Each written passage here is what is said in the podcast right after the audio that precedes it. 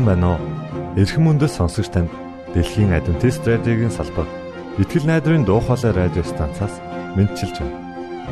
Сонсогч танд хүргэх маань нэвтрүүлэг өдөр бүр Улаанбаатарын цагаар 19 цаг 30 минутаас 20 цагийн хооронд 17730 кГц зөвлөлтөөр 16 метрийн долгионоор цацагдж байна. Энэхүү нэвтрүүлгээр танд энэ дэлхий дээр хэрхэн аз жаргалтай амьдрах талаар зарчим болон мэдлэгийг танилцуулахдаа бид таатай байх болноо. Таныг амарч байх үед аль эсвэл ажиллаа хийж байх зур би тантай хамт байх болноо.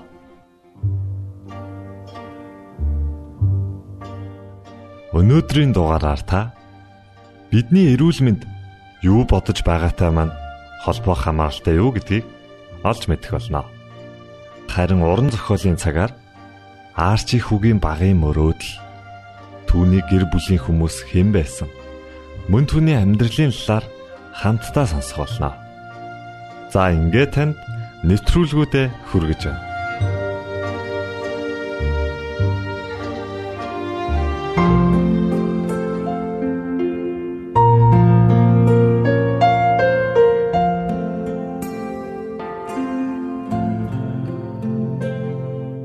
Эрхэм баян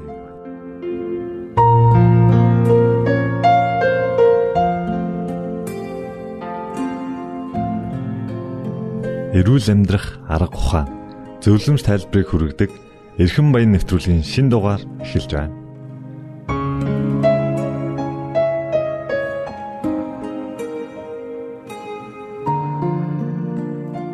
Ингээд танд Монголын адвентист чуулганы эрүүл мэндийн хэлтсийн захирал болох энх баяртай хийсэн ярилцлагыг хүргэж байна.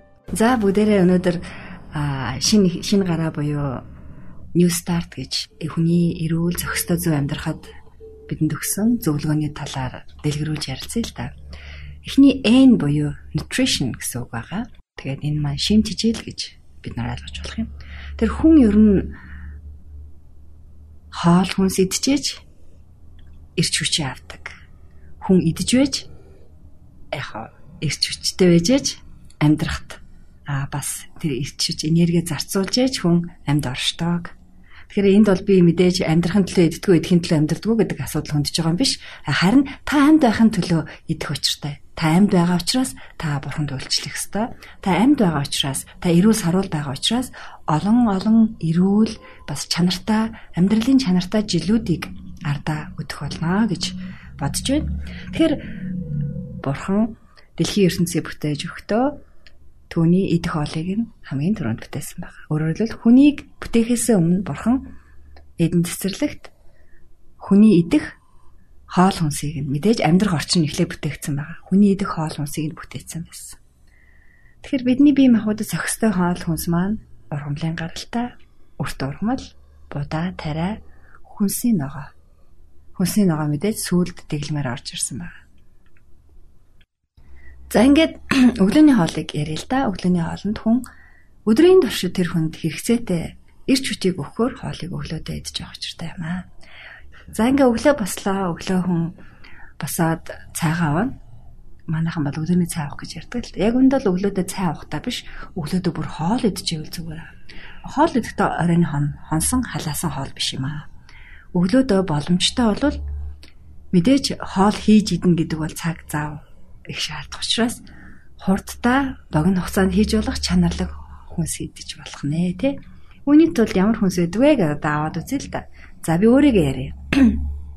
Миний хувьд бол би өглөө осоод мэдээж ус уун хамгийн эхлээд хотод хаасан байгаа хотодыг усууж хоол боловсруулах замаа бэлтгэх хүчтэй юм аа. Ингээ хоол боловсруулах замаа бэлдсэнийхаа дараа 20-30 минутын дараа хоол идэх бэлтгэл хангацсан гэсэн үг шүү дээ. За өглөөд би өглөө эрт ажилдаа ядаг учраас өглөөдөө би obviously нэрс буюу одоо oat гэж байгаа тий. Obviously нэрс скол гурвалжин бодоо гэх мэт хамгийн хурдан болдог өглөөний каш идэг.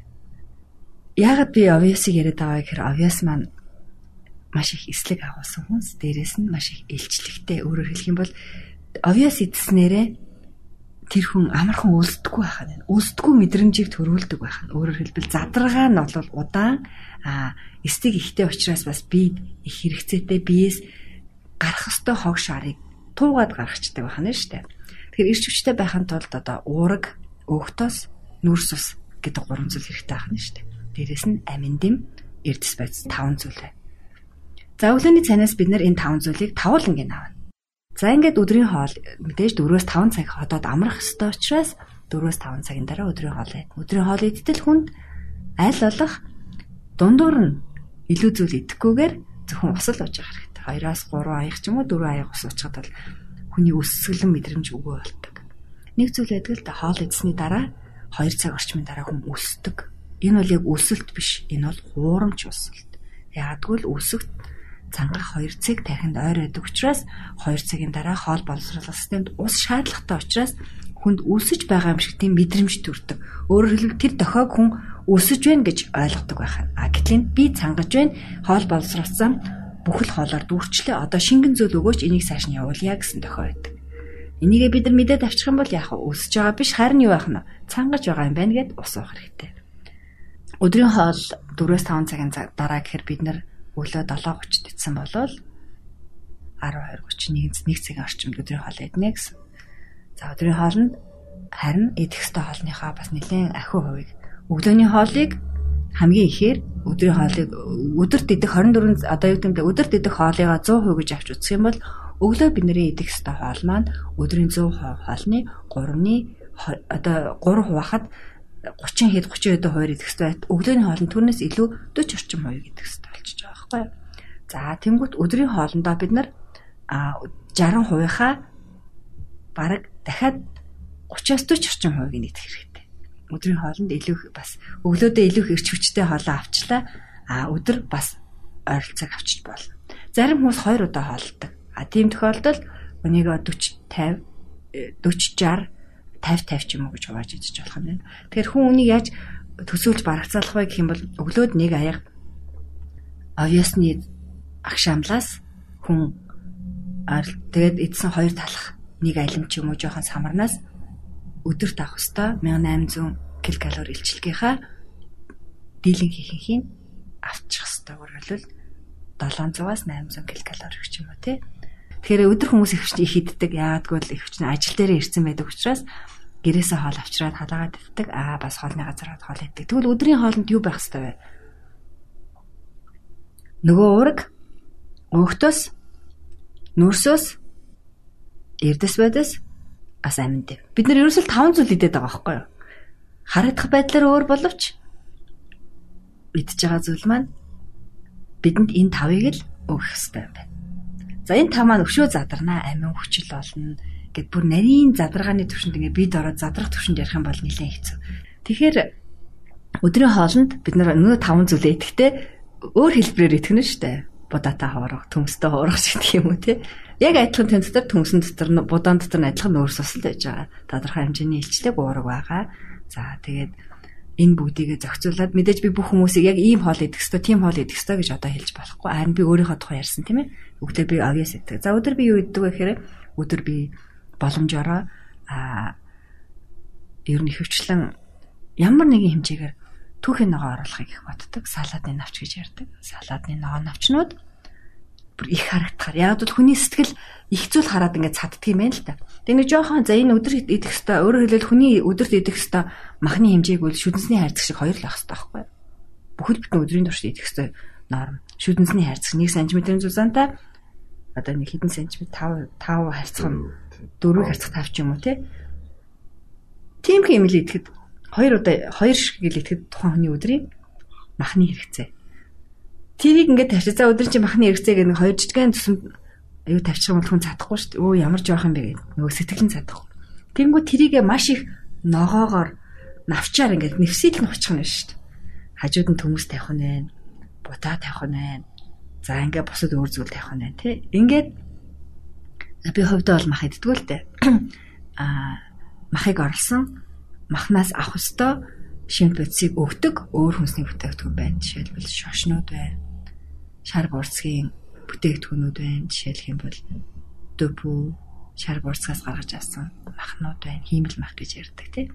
Тэг яг л үнтэй адилхан. Энэ бүх зүйлийг би өдрийнхөө хоолноосоо авах нэ. Өөрөөр хэлбэл өнөө таван зүйлээ өөр хэлбэрээр би авч идэх нэ. Тэгэхээр мах маань болохоор яг хүний бие тэр нэг таван зүйлсээ юуг нь өгч байгаа? Хүмүүс ягаад дандаа махыг голчлоод байдаг тэрийг. За мах маань уургийн агуулмж өндөртэй хүнсэнд ордог. Маханд маш их хэмжээний уург байхаас гадна өөх тос ус байдаг. Яг бол амтны гаралтай бүтээгдэхүүн учраас. За Тэгэхээр махыг орлуулж болох хүнс гэж хэллээ тий. Сая овья, борцог, тэгээ янз бүрийн шашнууд байдаг. Тэгэхээр эдгээр нь мөн бас уургийг өгдөг гэсэн. Аха эдгээр маханд байгаа уурагтай харьцуулах юм бол дүүцэж очихус хэмжээний уургийн агуулмжтай хүнс. Жишээлбэл брокколи гэхэд махтаа бараг дүүцэж очихоор. За улаан шуш махтаа дүүцэж очихоор.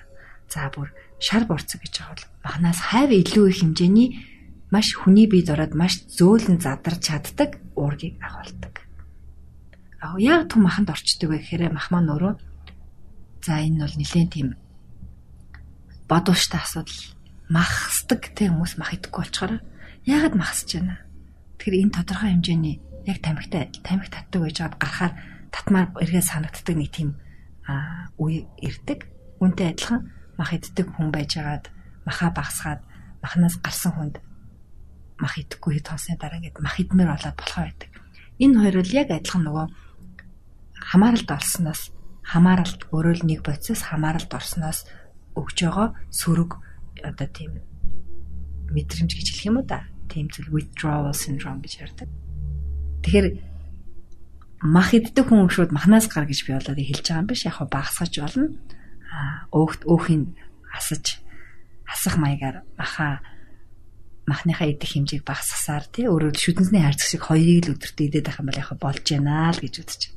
Гэхдээ та илүү урт эрүүл байхыг хүсэж байгаа бол эрүүл мэндэ илүү их анхаарахыг хүсэх юм бол аль болох амтны гаралтай бүтээгдэхүүнээс татгалзаарай.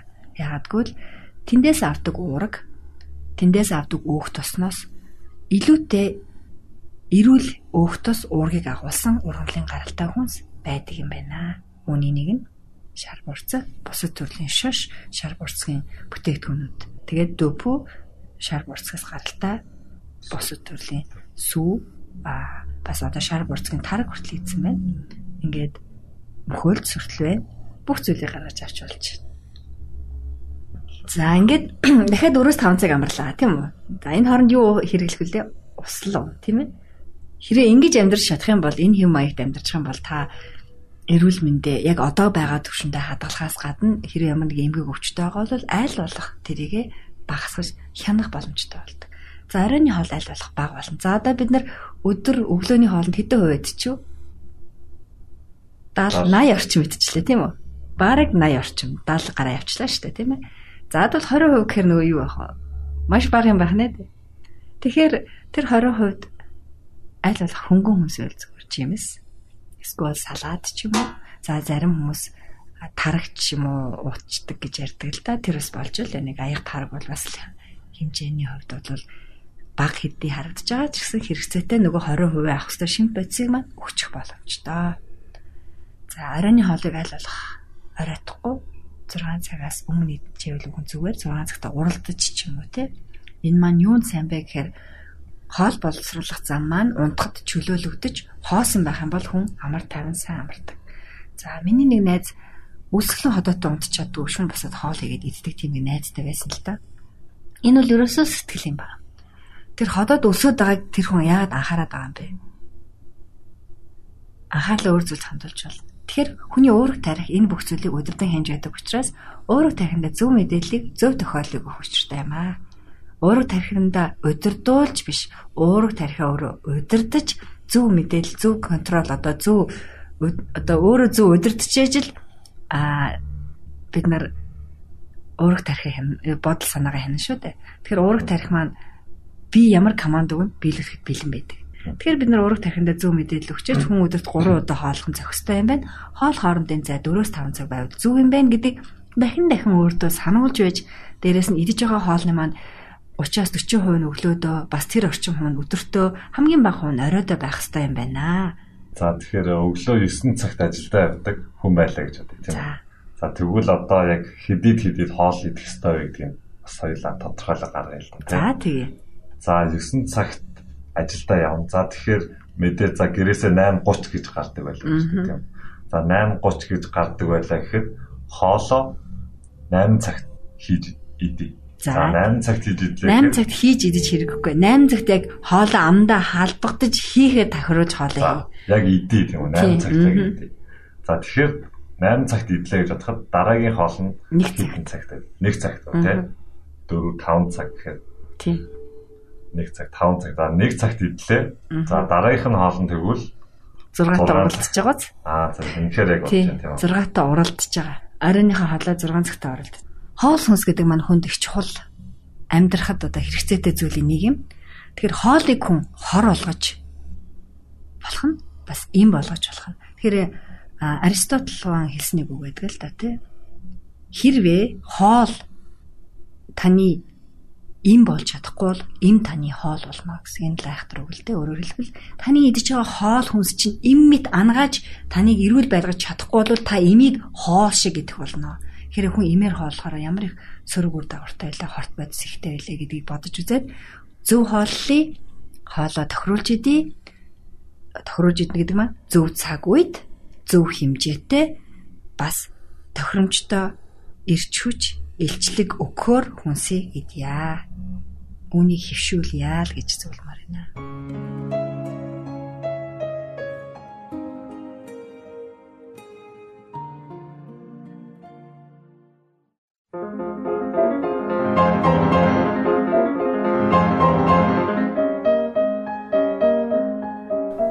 Уран зохиолын цаг.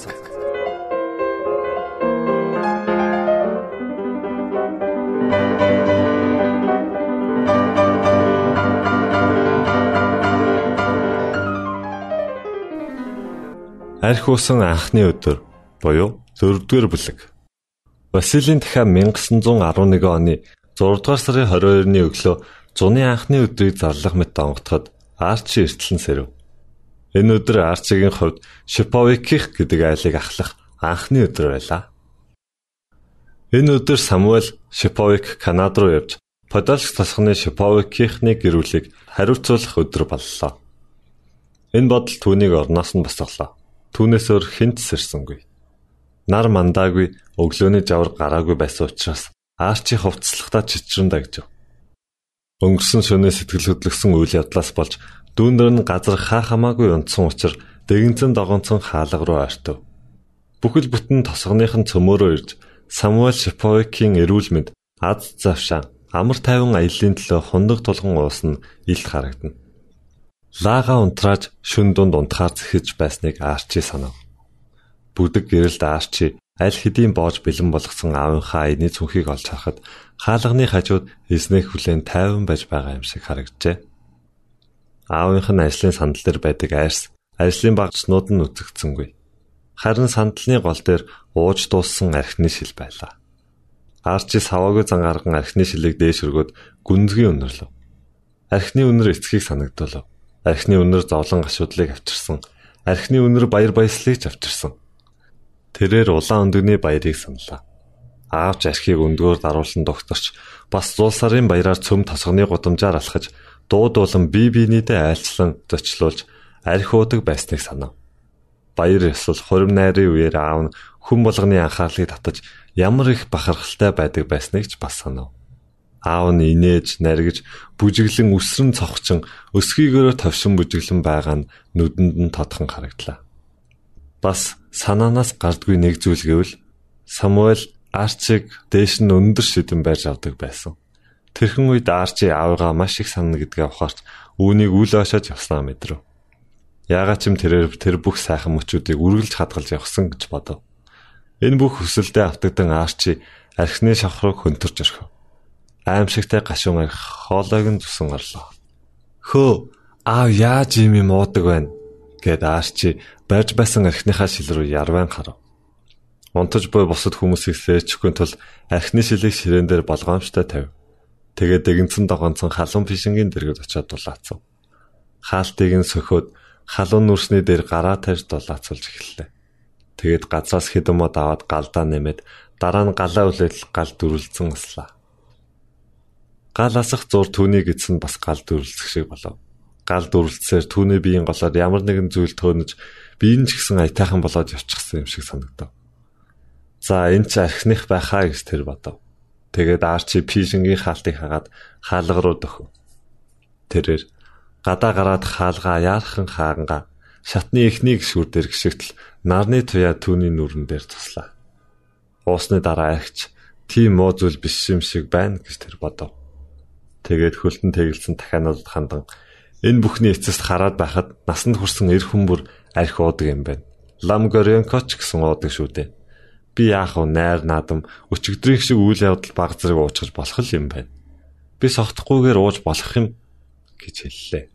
Арчи хашааг хөндлөн алхаад нөгөө талд эмээгийн байшингийн ард очив. Тэр хашаанд зэрлэг сарнаа дэлбэлжсэн харагдлаа. Өглөөний мандаж буй нар шүүдрийн тусал дээр тусан талаар нэг маргад эрдэн цацчихсан юм шиг харагдана. Арчи сарны англин үнрийг үнэртэхдээ сүмд очихдоо Иваны эхнэрийн даашинсны сайхан үнрийг үнэрснээ саналаа. Би газрын эзэн болоод ээждээ нэг шил үнэртэй ус авч өгнө гэж Арчи өөртөө амлаад магадгүй би их баян болоод гурван шил үнэртэй ус авч өгнө. Нэг нь яг сарнай шиг үнэртэй. Нөгөө нь голт бор цэцгийн үнэртэй. Гурав дахь нь Иваны хашаанд ургадаг цэцэгний үнэртэй усыг авч өгнө гэж дотроо ихэд баярлан бодов. Арчи нүдэ дүрлэлгэн Иваны эдлэн байшин үцхээр өглөөний гялцал байдлаас төр зур хөндөөрөв. Хөдөө талыг тэржигтэн тэрвэд авах гэсэн юм шиг гараа алдлаад ядаргаагаа гартал сунаагаад нүдэндээ нулимстай. Иван чиний хизээч бодож байгаагүйгээр би баяжна. Миний эдлэн Канадын тал нутгаар үргэлжлэх болно. Би Оросын эзэн хаан суухаар тийм том байшин бариулна да. гэд Арчи бодолтой автаа зогсож байтал. Арчи гэд ихэн хаалганы хажууд хоёр модон хувин бариад даллаж байв.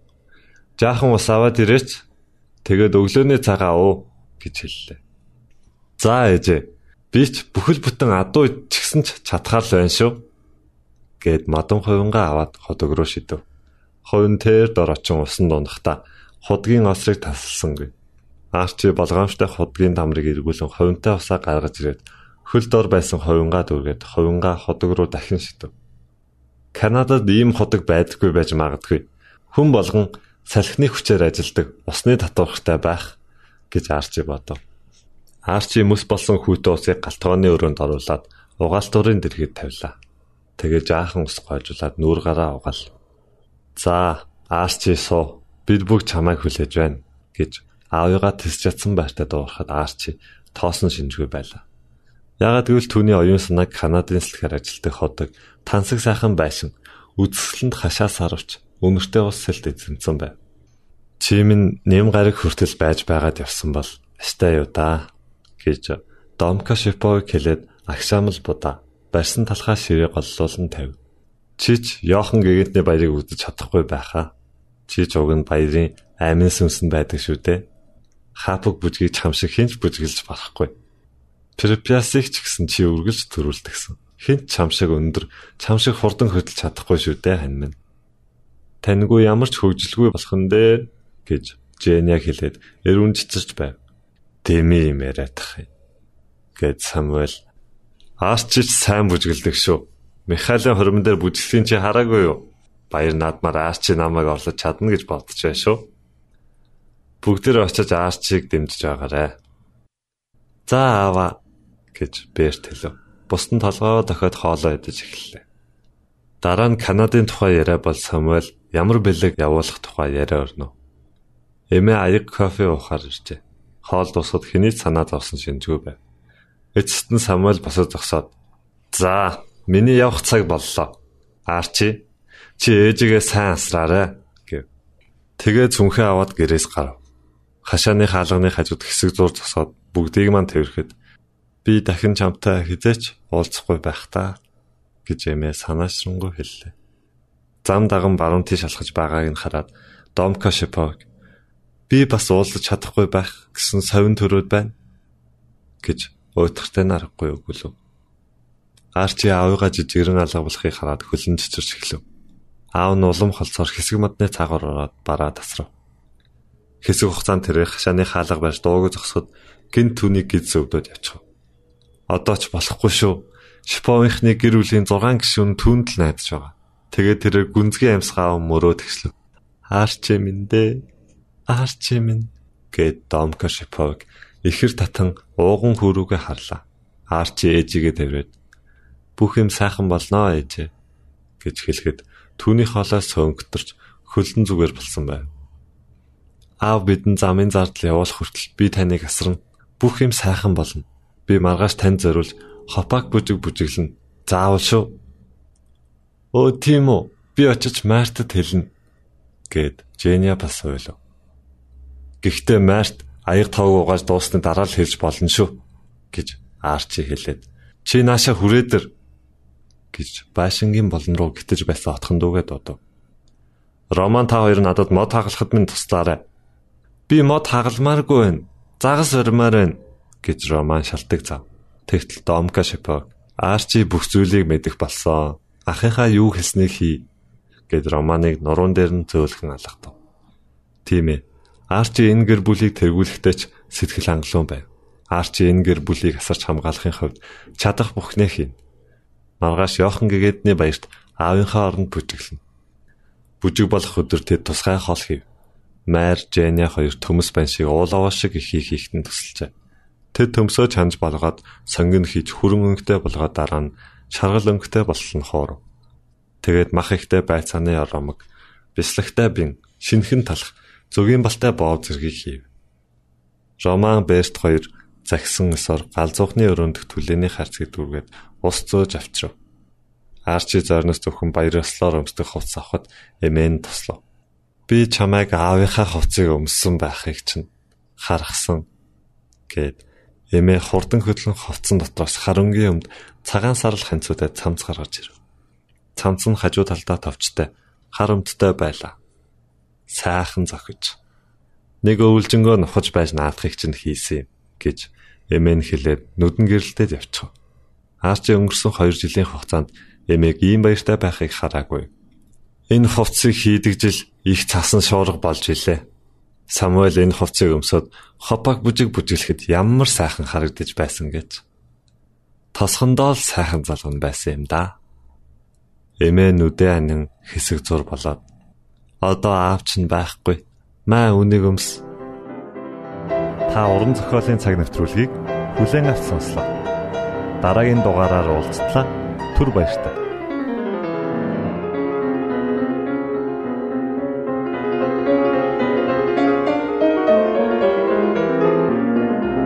Итгэл найдрын дуу хоолой радио станцаас бэлтгэн хөрөгдөг нэвтрүүлгээ танд хүргэлээ. Хэрв та энэ өдрийн нэвтрүүлгийг сонсож амжаагүй аль эсвэл дахин сонсохыг хүсвэл бидэнтэй дараах хаягаар холбогдорой. Facebook хаяг: Латин үсгээр Монгол заавад AWR Имэйл хаяг: mongol@gmail.com Манай утасны дугаар 976 7018 24 9 Шуудангийн хаяг 16 Улаанбаатар 13 Монгол улс Биднийг сонгон цаг зав аваад зориулсан танд баярлалаа. Бурхан таныг ивээх болтугай.